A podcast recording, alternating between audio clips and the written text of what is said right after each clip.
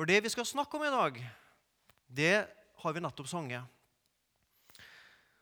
Den sangen 'Ingen vinner frem til den evige ro' er visst fra 1700-tallet, med en folketone fra Hallingdal.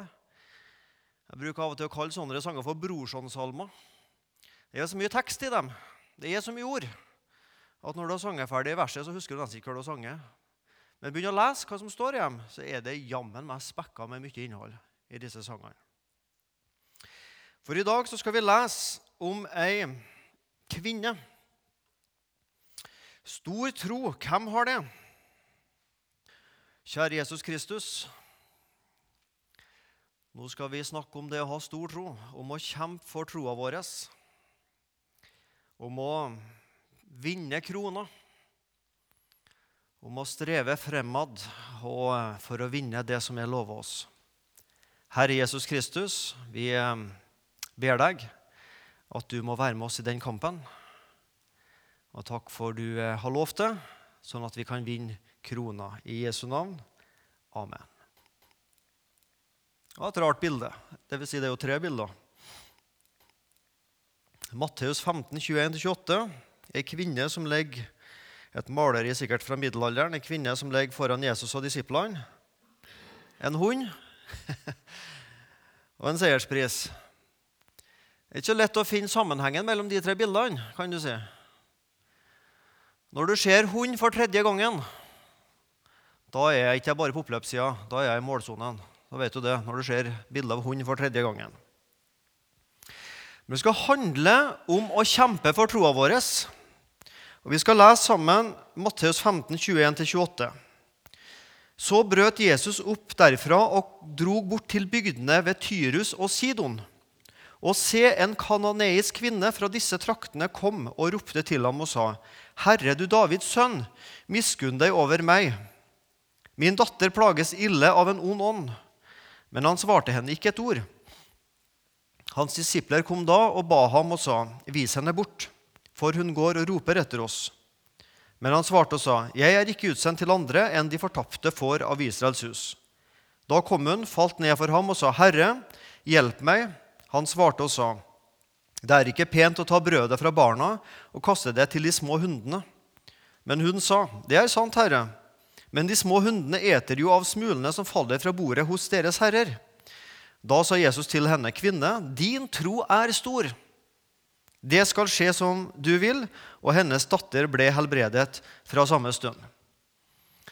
Som du er klar over, så prøver vi denne våren å sette fokus på noen enkeltpersoner i Nytestamentet og Gamletestamentet som viser oss hva det vil si å tro, og som kan være noen forbilder for oss i troa. Og I dag så skal vi se på denne kananeiske kvinna. En veldig rar fortelling. Jesus drog opp derfra står det, og drog bort til bygdene ved Tyrus og Sidon. Hvor er Jesus hen? Han er på grensa til Israel. Han er altså på grensa til sitt virkeområde, Tyrus og Sidon. Det var byer i datidens Fønikia, en romersk provins, har jeg lest. Hvis du nå ser for deg Israelskartet, så blir det liksom opp i nord og vest, opp til det venstre hjørnet der, litt oppafor der, utafor Israel. Der lå altså dette kystområdet i dagens Libanon et hedensk folk. Et folk som hadde hørt rykter om Jesus.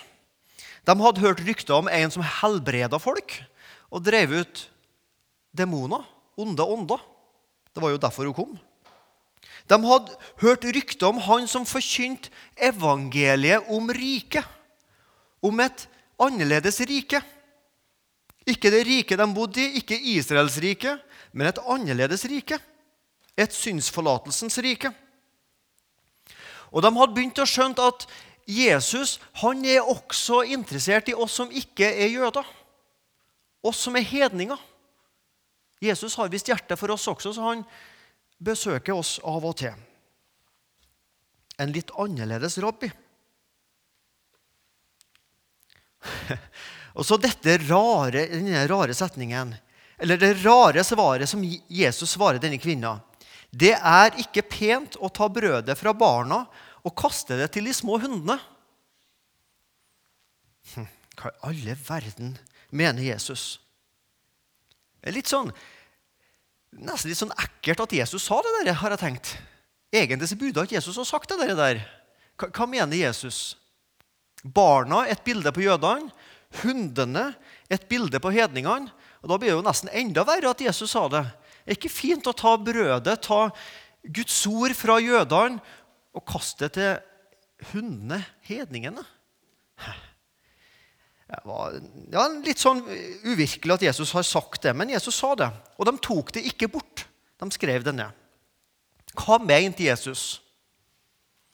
Her skal vi tenke det at vi er nå før Jesu kors og oppstandelse. Det er vi. Og før Jesus står opp fra de døde, så er Jesu kall å bruke sin tid og sine krefter på jødefolket, på Israel. Bare veldig sjelden så går Jesus utafor sitt virkeområde. For jøder først. Det oppdraget går han også til disiplene. Det leser vi om før misjonsbefalinga. Dere skal gå til jødene. De er Guds utvalgte folk. Jesus sjøl var en jøde. Og jødene hadde løftene, de hadde paktene, de hadde loven. De hadde Abraham, Isak, Jakob. De hadde disse patriarkene etter oppstandelser, der vi lever, så skulle man gå til alle folkeslag. Så for greker. Jøde først, så for greker. Misjonsbefalinga. Og Jesus visste at evangeliet var for alle, og at dette skulle skje etter oppstandelser. Men derfor var han litt tilbakeholden før oppstandelser overfor hedningene, og bare av og til delte evangeliet med hedninger. Men de fikk en forsmak. Og Derfor kunne også Paulus si jeg står i gjeld til grekere og til andre folkeslag. Jøde først, og så de andre folkeslagene. Men Jesus svarte henne ikke et ord. Også en sånn rar oppførsel av Jesus. Hvorfor ville ikke Jesus snakke med henne? Hvorfor svarte han henne ikke et ord? Hvor, jeg mener, hvor er den åpne og rause og inkluderende Jesus som snakker med folk og inkluderer alle, og så svarer han denne kvinna ikke et ord? Det liksom ødelegger litt av dette bildet mange har av Jesus som en sånn ja, åpen favn for alle. Og det er jo sant at han har det. Hvorfor svarer ikke Jesus denne kvinnen et ord? Han svarte og sa, 'Jeg er ikke utsendt til andre enn de fortapte får av Israels hus', som han nettopp sa. Jesus var tilbakeholden fordi hans primære oppdrag var å vitne for jødene om at han var Messias. Og så var Jesu problem følgende. Jesus visste at hvis han nå hjalp denne kvinna, så kunne det føre til at han måtte bruke mer av si tid og krefter på dette folket, og dermed mindre på jødefolket. Og at jødefolket da kunne vende seg bort fra han. Ja, ja, det gjorde de jo til slutt likevel. Så Jesu dilemma var det gode å hjelpe denne kvinna kan bli det bestes fiende. Det rette å hjelpe denne kvinna kunne bli et problem og hindre for det nødvendige å vitne for jøder først. Men det kan ikke være hele grunnen til at Jesus ikke svart. Jeg tror at en, altså Det er den ytre grunnen at Jesus var kommet for jøder først.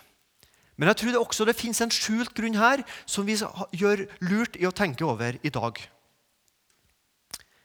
Jesus, Jeg tror Jesus tidde fordi han ville prøve troa til denne kvinna. Når troa blir prøva, når det blir stilt fra Gud Når du og jeg føres ut i en åndelig ørken, når du og jeg opplever lite åndelig mat og skyene henger tungt over tilværelsen. Og du spør hvor er Gud? Hvor er du, Gud? Hvorfor snakker ikke du lenger til meg, Gud? Hvorfor er det så tørt i kristenlivet mitt? Hvorfor er det ingen bønnesvar lenger? Hvorfor er det så stilt fra deg, Gud? Men han svarte henne ikke et ord. Det føles liksom på en måte at Gud sover. Det er så stilt fra Gud. Oppleves som han sover. Våkn opp, Salme 44, 24-25. Våkn opp, hvorfor sover du, Herre? Våkn opp, forkast oss ikke til evig tid. Hvorfor skjuler du ditt åsyn? Hvorfor glemmer du vår nød og vår trengsel? Og så vet vi at det er sant, det som står i Salme 121. Nei, han blunder ikke og sover ikke, Israels vokter. Vi vet at Gud aldri sover. Men så oppleves det likevel som om Gud er fraværende. Og hva er det Gud vil si oss da? Altså Når Gud ikke sier noe, så vil han likevel si oss noe. Han vil fortelle oss at han vil prøve oss. Hva gjør vi?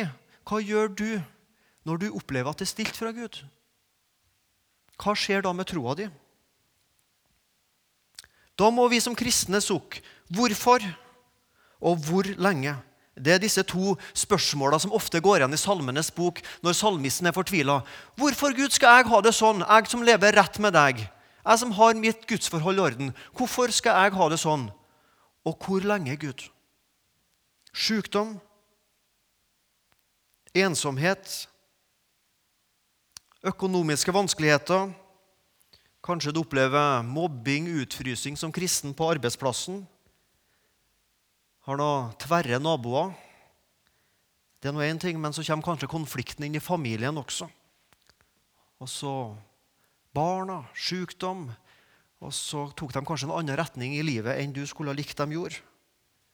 Ektefelle, psyken, følelseslivet og det åndelige presset, fristelsene, kampene. Og så, så er Gud stille. Hvorfor opplever jeg ikke Gud slik som det står om han i Bibelen? Og så er også dette en hemmelighet med Gud. Av og til så svarer han ikke. Iallfall ikke i første omgang.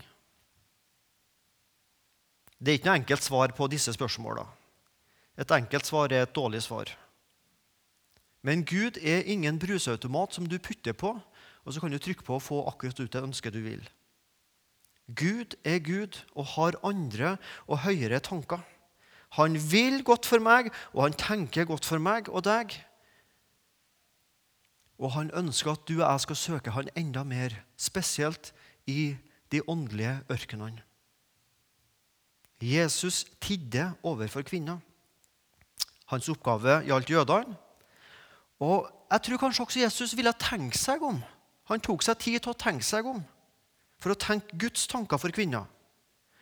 Og kanskje også Jesus for det tredje ønska at disiplene skulle våkne opp. Disipler, her er en oppgave for dere. Hva vil dere gjøre nå? Og så ville han for det fjerde teste kvinners tro. Ga kvinna opp, eller hadde hun pågangsmot til å gå på mer? Denne kvinna hadde stor tro. Da sa Jesus til henne, 'Kvinne, din tro er stor. Det skal skje deg som du vil.' Og hennes datter ble helbredet fra samme stund. Stor tro. Det står i vers 22 at hun kom og ropte. Og så tier Jesus, og så roper hun igjen og igjen. Og så svarer Jesus dette med hundene og her, og brøda. Hun kaster seg ned, hun ber. Og han svarte og sa det er ikke pent å ta brødet fra barna og kaste det til hundene. Altså, Underforstått, hun skjønner Jesus svarer nei på min bønn. Han vil ikke hjelpe min datter som er syk. Og der kunne historien ha stoppa med at hun sa OK, det er greit, jeg går. Det fantastiske med denne kvinna det er hun tok ikke et nei for et nei. hun ga seg ikke. Hun sto på. Jeg hører Jesus at du sier nei, men jeg gir meg ikke. Jeg skal ha svar fra deg. Jeg skal ha et annet svar. Snedig fortelling, men takk og lov for at den står i Bibelen. Hun tok ikke et nei for et nei. Dette blir synsing, dette blir hypotetisk. Hva ville Jesus ha gjort hvis kvinna sa ok, det er greit, jeg skjønner at her er ikke hjelp å få, og hun begynte å tusle av vei hjem? Hva ville Jesus gjort da? Det vet ikke vi, for det sier jo Skriften ingenting om. Jeg er helt sikker på at Jesus ville ha sagt ok, nå har jeg prøvd deg, og jeg har prøvd troa di. Og så ville Jesus likevel ha hjelpa. Men Jesus var altså ute etter for å teste denne kvinnas tro. Hvor, lang, hvor, hvor mye pågangsmot har du i troa? Eller er du bare en som gir opp rundt første sving?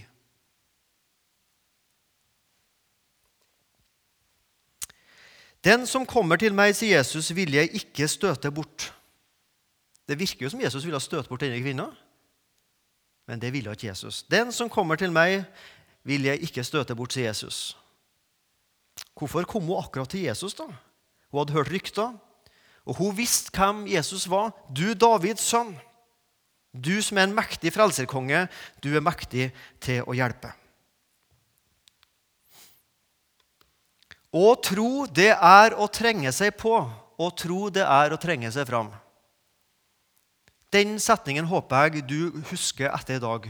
Å tro, det er å trenge seg fram, og det er å trenge seg på og ikke gi opp rundt første sving.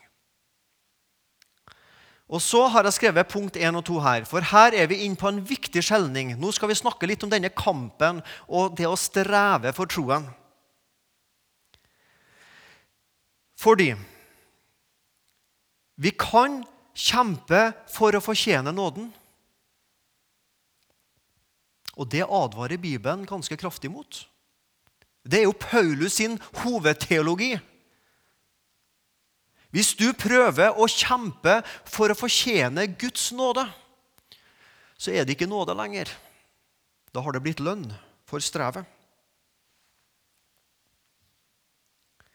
Hvis du og jeg kjemper og trenger oss på for å fortjene nåden, at Gud skal elske meg og se meg, da bygger du og jeg vårt kristenliv på lovgjerninga og blir egenrettferdige.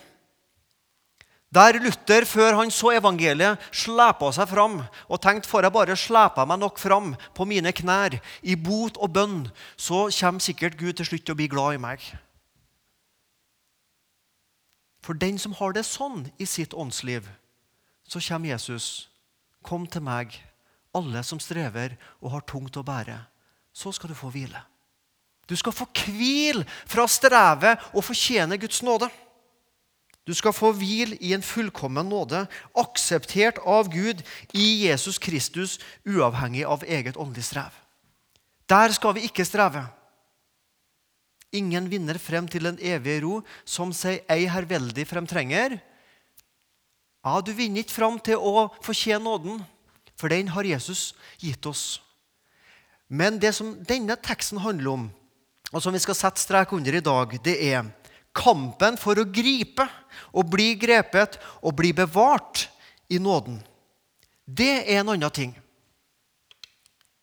Ingen vinner frem til den evige ro, som seg ei veldig fremtrenger. Sjelen den må utstå en kamp for den tro, hvorav vår salighet henger. Porten kalles trang, og veien heter smal. Da kan Herrens nåde åpne himmelens sal. Ikke sant? Kjemp da alvorlig, treng fremad med makt, om du vil himmelrik vinne. Her vi her er det viktig at vi skjelner mellom det å prøve å streve for å fortjene Guds nåde, og det å streve og kjempe for å bli bevart i nåden. Ser du forskjellen? Den er helt avgjørende. Les gjerne denne sangen når du kommer hjem igjen. Den snakker om å gjøre motstand, for Satan vil ikke unne deg nåden. Den snakker i vers 2 om å stride i kraft for din krone. Og Det er snakk om at det er verd all din flid, all din bønn, all din lengsel. Kampen. Husker du denne fortellinga og lignelsen som Jesus brukte? Denne mannen som gikk ut på en åker, og så gravde han i en åker, og så fant han ei perle. En liten lignelse Jesus bruker en plass. Han finner ei lita perle. Hva gjør han? Ingen som ser meg? Nei. Grav den ned igjen. Og så går han og selger hjem og selger alt han har. Og så kjøper han denne åkeren, sånn at perla kan bli hans. Han var villig til å forsake alt for å vinne denne perla. Han var villig til å kjempe alt for å vinne krona. sier han. Alt eller ingenting.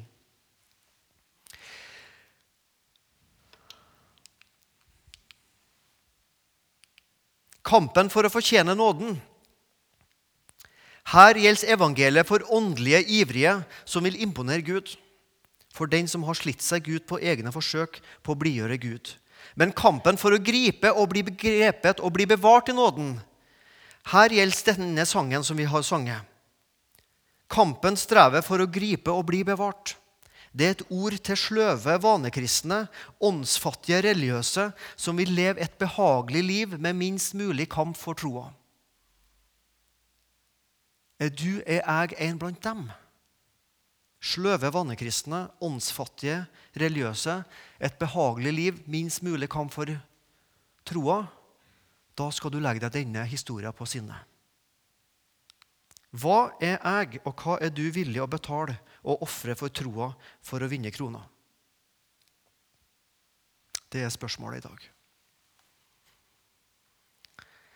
Vi la oss om denne kanoniske kvinna. Forrige søndag var det morsdag. Om en eh, par ukers tid så er det 8. mars, kvinnedagen. Så da tar vi kvinner midt imellom i dag òg. Nå skal du få tre kvinnelige forbilder i Nytestamentet som kjemper for troa, som kjemper for å bli bevart. Kvinner med blødninger som trenger seg fram til Jesus. Får jeg bare grepet tak i Jesus, får jeg bare tak i kappa hans, så skjer underet. Hun trengte seg gjennom folkemengden og grep fatt i Jesus. Får jeg bare røre ved ham? Denne kvinna synderinna som ville salve Jesus. Jesus var i fariseeren Simon sitt hus. Der var det mannsmøte, altså de luxe. Og så kommer denne kvinna inn, så totalt forskjellig fra fariseeren Simon. Helt ulikt liv. Og Hun trenger ikke gjennom en stor folkemengde, men hun trenger seg gjennom folkesnakk. For et folkesnakk jeg kommer til å bli utsatt for hvis jeg går inn i det mannsmøtet der. Jeg risikerer ryktet mitt. Ja, det er noe så dårlig fra før at det er nesten ikke så mye mer å risikere igjen. For hun hadde ganske frynsete rykte på seg. Men hun trengte seg fram til Jesus for å salve Jesus og den kanadiske kvinnen vi har snakka om. Disse tre kvinnene å trenge seg fram i tro og trenge seg på Jesus med det du har.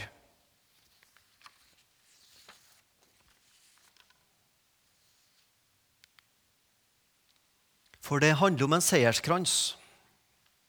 Den som kjemper på idrettsbanen, får ikke seierskransen uten at han følger reglene. Vet dere ikke at de som løper på idrettsbanen, de løper alle, men bare én for seiersprisen? Løp da slik at dere kan vinne den. For du og jeg, vi er alle med i et løp, et livsløp. Og det handler om å få denne seiersprisen prisen, eller denne gullmedaljen. Det er jo det som teller i OL. Det er gull, sølv og bronse. Å bli nummer fire da kan du like godt bli nummer 30. altså. Betyr ingenting. Helst må det være gull. Vi er så opptatt av gull, av å vinne. Sitter foran TV-en hver kveld, og hjertet dunker noe så voldsomt når Marit Bjørgen og Petter Northug og gjengen går. ikke sant? Og så er vi så glad når Norge vinner OL-gull. Og så er jeg like sikker på når, når Northug kommer på nummer tre, så er jeg helt sikker på at de to russerne var dopa. Og Svenskene de er helt sikkert dopa, dem også. For Når andre vinner, så er de dopa. Men når nordmenn vinner, så er det jo fordi at de da følger reglene. ikke sant? Men blir du tatt i dop, da blir gullmedaljen tatt, tatt fra deg. Bare spør Johan Myhlegg. Ribba for alt som er av ære og gull, etter å ha juksa til seg det. Nei, skal du vinne seiersprisen, så må du følge reglene. Det er et godt bibelsk tips til dagens OL-utøvere. Men du må være villig å kjempe og streve for å vinne seiersprisen. Jeg har møtt ikke så veldig mange sånne idrettsfolk. Men jeg har i hvert fall ett minne som har satt tankene i sving i meg. Og Det er Grete Waitz. Dere er så gamle dere husker Grete Waitz. Dagens ungdommer husker ikke henne. Da jeg gikk og studerte i Oslo, så måtte jeg jo spe på studielån med litt arbeid. Så jeg kjørte Aftenposten om natta. Kunne gjerne mala det veldig ut for dere. Hvor lite søvn det ble, og hvor kaldt det var. og alt mulig sånn. Det skal jeg ikke gjøre. Men jeg var ute og kjøre, og av og til så møtte jeg Grete Waitz. Vil si, jeg satt i bilen og kjørte og leverte avis. Hun var ute og jogga, og klokka var kvart over fem, halv seks om morgenen. Og Det som imponerte meg, det er at jeg møtte henne uansett hva slags vær det var. Og på Lambertseter husker jeg, der var jeg her på kjørt avisene. Om det regna, om det var kaldt ja, var det minus 20, så var hun sikkert ikke ute og jogga. Men om det regna det plass, hun var ute og jogga, for hun skulle vinne OL, hun skulle vinne VM, hun skulle vinne maraton. Trene, kjempe i all slags vær. Og Så har du motsatsen da, til Grete Waitz. En ung gutt i Trøndelag på 80-tallet. Jeg kan si såpass mye som heter Hansen til etternavn. Fornavnet skal ikke jeg si. Han var aktiv med i ski ett år. Han trena aldri. Smor aldri skia sine heller. Men møtte opp til en del skirenn og starta friskt mot. Og Ut av stadion så var det full peis. Rundt første svingen da var han helt gåen. Så da slakka han av på tempoet. Og Så gikk han rolig og samla krefter. Til han kom tilbake på stadion, så var det da spurte inn for å bli sett, at folk skulle se at han gikk fort. Så Sånn drev han på et år. Men så hadde han da ei, ei jente som jeg hadde godt øye til. Og så var det sånn på den tida at Guttene starta først, for de gikk fortere, og så starta jentene etterpå. Så denne jenta da, som jeg skulle til å si jeg, nå sa jeg jeg, hadde et godt øye til, hun starta da fem minutter bak meg. Og halvveis ute i løpet så tok hun meg igjen. Det var flaut, skal jeg si dere. hun var sikkert fem minutter før meg i mål også. Så etter det løpet så da la jeg skia på hylla. kan du si. Så det skal Bjørn Dæhlie være glad for. Så hadde han fått enda mer kamp en gang på 90-tallet. Så der har du da motsatsen Grete Waitz og Hansen. Jeg, jeg gidda ikke å trene for å vinne. For meg var det bare viktig å bli sett på stadion. Ha det riktige skiutstyret. Jeg visste at jeg kom aldri til å vinne, og trena aldri deretter. Men det handler bare om å bli sett. Men det viktigste er ikke å bli sett, men det å vinne, sier Jesus. Fariserene de ba og fasta for å bli sett. Og lønna den var her i tida. Men vi, sier Jesus, når vi ber og faster, skal vi gjøre det i det skjulte for at Gud skal lønne oss på en annerledes måte. Denne kvinna hadde pågangsmot. Disse kvinnene vi har lest om, hadde pågangsmot, strev, og de trena og hadde en vilje til å ikke gi seg. Skal vi ta noen kvinner til? Skal vi gå tilbake til 1891 i Bergen? Starten på Norsk Luthersk Misjonssamband, Kinamisjonsforbundet, som heter den gangen. Disse kvinnene som brant for Kinamisjon. Så går de til generalsekretær Lars Dale i Misjonsselskapet og sier vi har en brann for Kina. Vi har lyst til å starte misjon i Kina. Og Lars Dale ut fra de strategiene NMS hadde den gangen, sier at det kan vi dessverre ikke hjelpe dere med. De fikk nei. Og Der kunne de ha lagt hendene sammen og sagt ok, vi prøvde, det er greit. Det ble ingenting av det. Men de tok ikke et nei for et nei. De gikk videre, fikk tak i brannsegg, og så kjenner vi historien, vi som har lest den. Og så ble det Kinamisjon av det. Men hva lett du og jeg har for å ta et nei for et nei når det blir stilt fra Gud også. Ja, ja, da får det bare være. Men i dag så skal vi si at å tro det er å trenge seg fram og trenge seg på og ikke gi opp sjøl når det er stilt fra Gud. Det er denne kvinna et forbilde på. Denne kvinna har en sang i Bibelen. Hun står omtalt i en sang i Bibelen. Kanskje fikk du med deg når jeg switcha innom det her nå. Siste verset i en av de sangene vi synger som vi snart skal synge om noen minutter. Der står det om denne kvinna. Jesus din søte forening og smake. I siste verset så står det om denne kvinna. Jeg vil med kvinnen fra Kanans egne rope i lengsel og aldri bli stille, før du på bønnen til slutning må tegne amen, ja, amen, deg skje som du vil. Vi må aldri synge med autopiloten på. Det har jeg snakka om før her. For når vi synger med autopiloten på, så tenker vi ikke etter hva vi synger. Og Kanskje har du tenkt sånn, jeg har iallfall tenkt sånn på det verset der. Amen, ja, amen. Det skjer som du vil. Det er viktig å be det. Skje som Gud vil. Sånn som Jesus ba i Getsemane. Men det er ikke det som står. Ser du hva som står? Jeg vil med kvinnen fra Kanans ene rope i lengsel og aldri bli stille, før du, Gud, på min bønn til slutning med å tegne og så er det Gud som skal si amen, ja, amen. Det skjer som du, menneske, vil. Det er det sangen sier, verset sier. Det handler om å være så pågående på Gud at Gud sier til slutt OK, du skal få din vilje. Og du tenker dette høres veldig spes ut, nesten litt sånn herlighetsteologisk ut. At bare vi står på noe, så kommer Gud til å gi oss alt vi ønsker. Nei, dette er ingen form for herlighetsteologi. Men dette snakker Jesus også om, og har faktisk en par lignelser på det i evangeliene. Om at vi skal være pågående og aldri gi oss, slik at Gud skal si du skal få din vilje. For jeg tror at faren for oss som sitter her, iallfall for meg, er ikke at jeg presser for mye på Gud. Men min fare er at jeg er, gir opp for fort i mitt bønneliv med Gud. Så får du prøve deg hva som er din svakhet. Nå kom bildet av hund, så nå vet du, nå er vi i målsonen. Jeg slipper det ikke. Har du prøvd Nå, nå fant ikke jeg noe bilde med noe kjøttbein på. da. Dette er en pinne, men pinnen kommer jo hunden med å slippe for at du skal kaste den igjen. Men tenk deg nå at denne hunden hadde et kjøttbein i munnen. Er det noen av dere som har prøvd å reve et kjøttbein ut av eh, munnen på en hund? Jeg har ikke prøvd, men jeg vet hvordan det går. Det klarer ikke du, altså. Jo mer du griper tak i kjøttbeinet og skal prøve å rive det ut av munnen på den hunden, jo kraftigere biten til. Og Det har blitt et bilde på denne kvinna og Jesus. Jeg slipper deg ikke, Jesus. Hun som trengte seg gjennom folkemengden og greip fatt i Jesus bakafra. Denne kvinna som kom til Jesus. 'Jeg slipper deg ikke, Jesus, før du hjelper meg.' 'Jeg tar ikke et nei for et nei. Jeg ber og jeg ber helt til du gir meg det jeg vil ha.' Jakob, som kjemper med Gud. Og, og, og, Gud på en måte sier, 'Nå må du slippe meg, for nå gryr det av dag.' 'Jeg slipper deg ikke før du velsigner meg', sier Jakob. Første Mosebok. Det er denne trua jeg ønsker at du skal gå ut med herifra i dag og tenke på. Og kjære Jesus, gi meg mer av denne pågangsmotet, mer av denne trua. Jeg slipper deg ikke, Jesus, før du velsigner meg og gir meg det som du, Gud, ser at jeg trenger. Amen.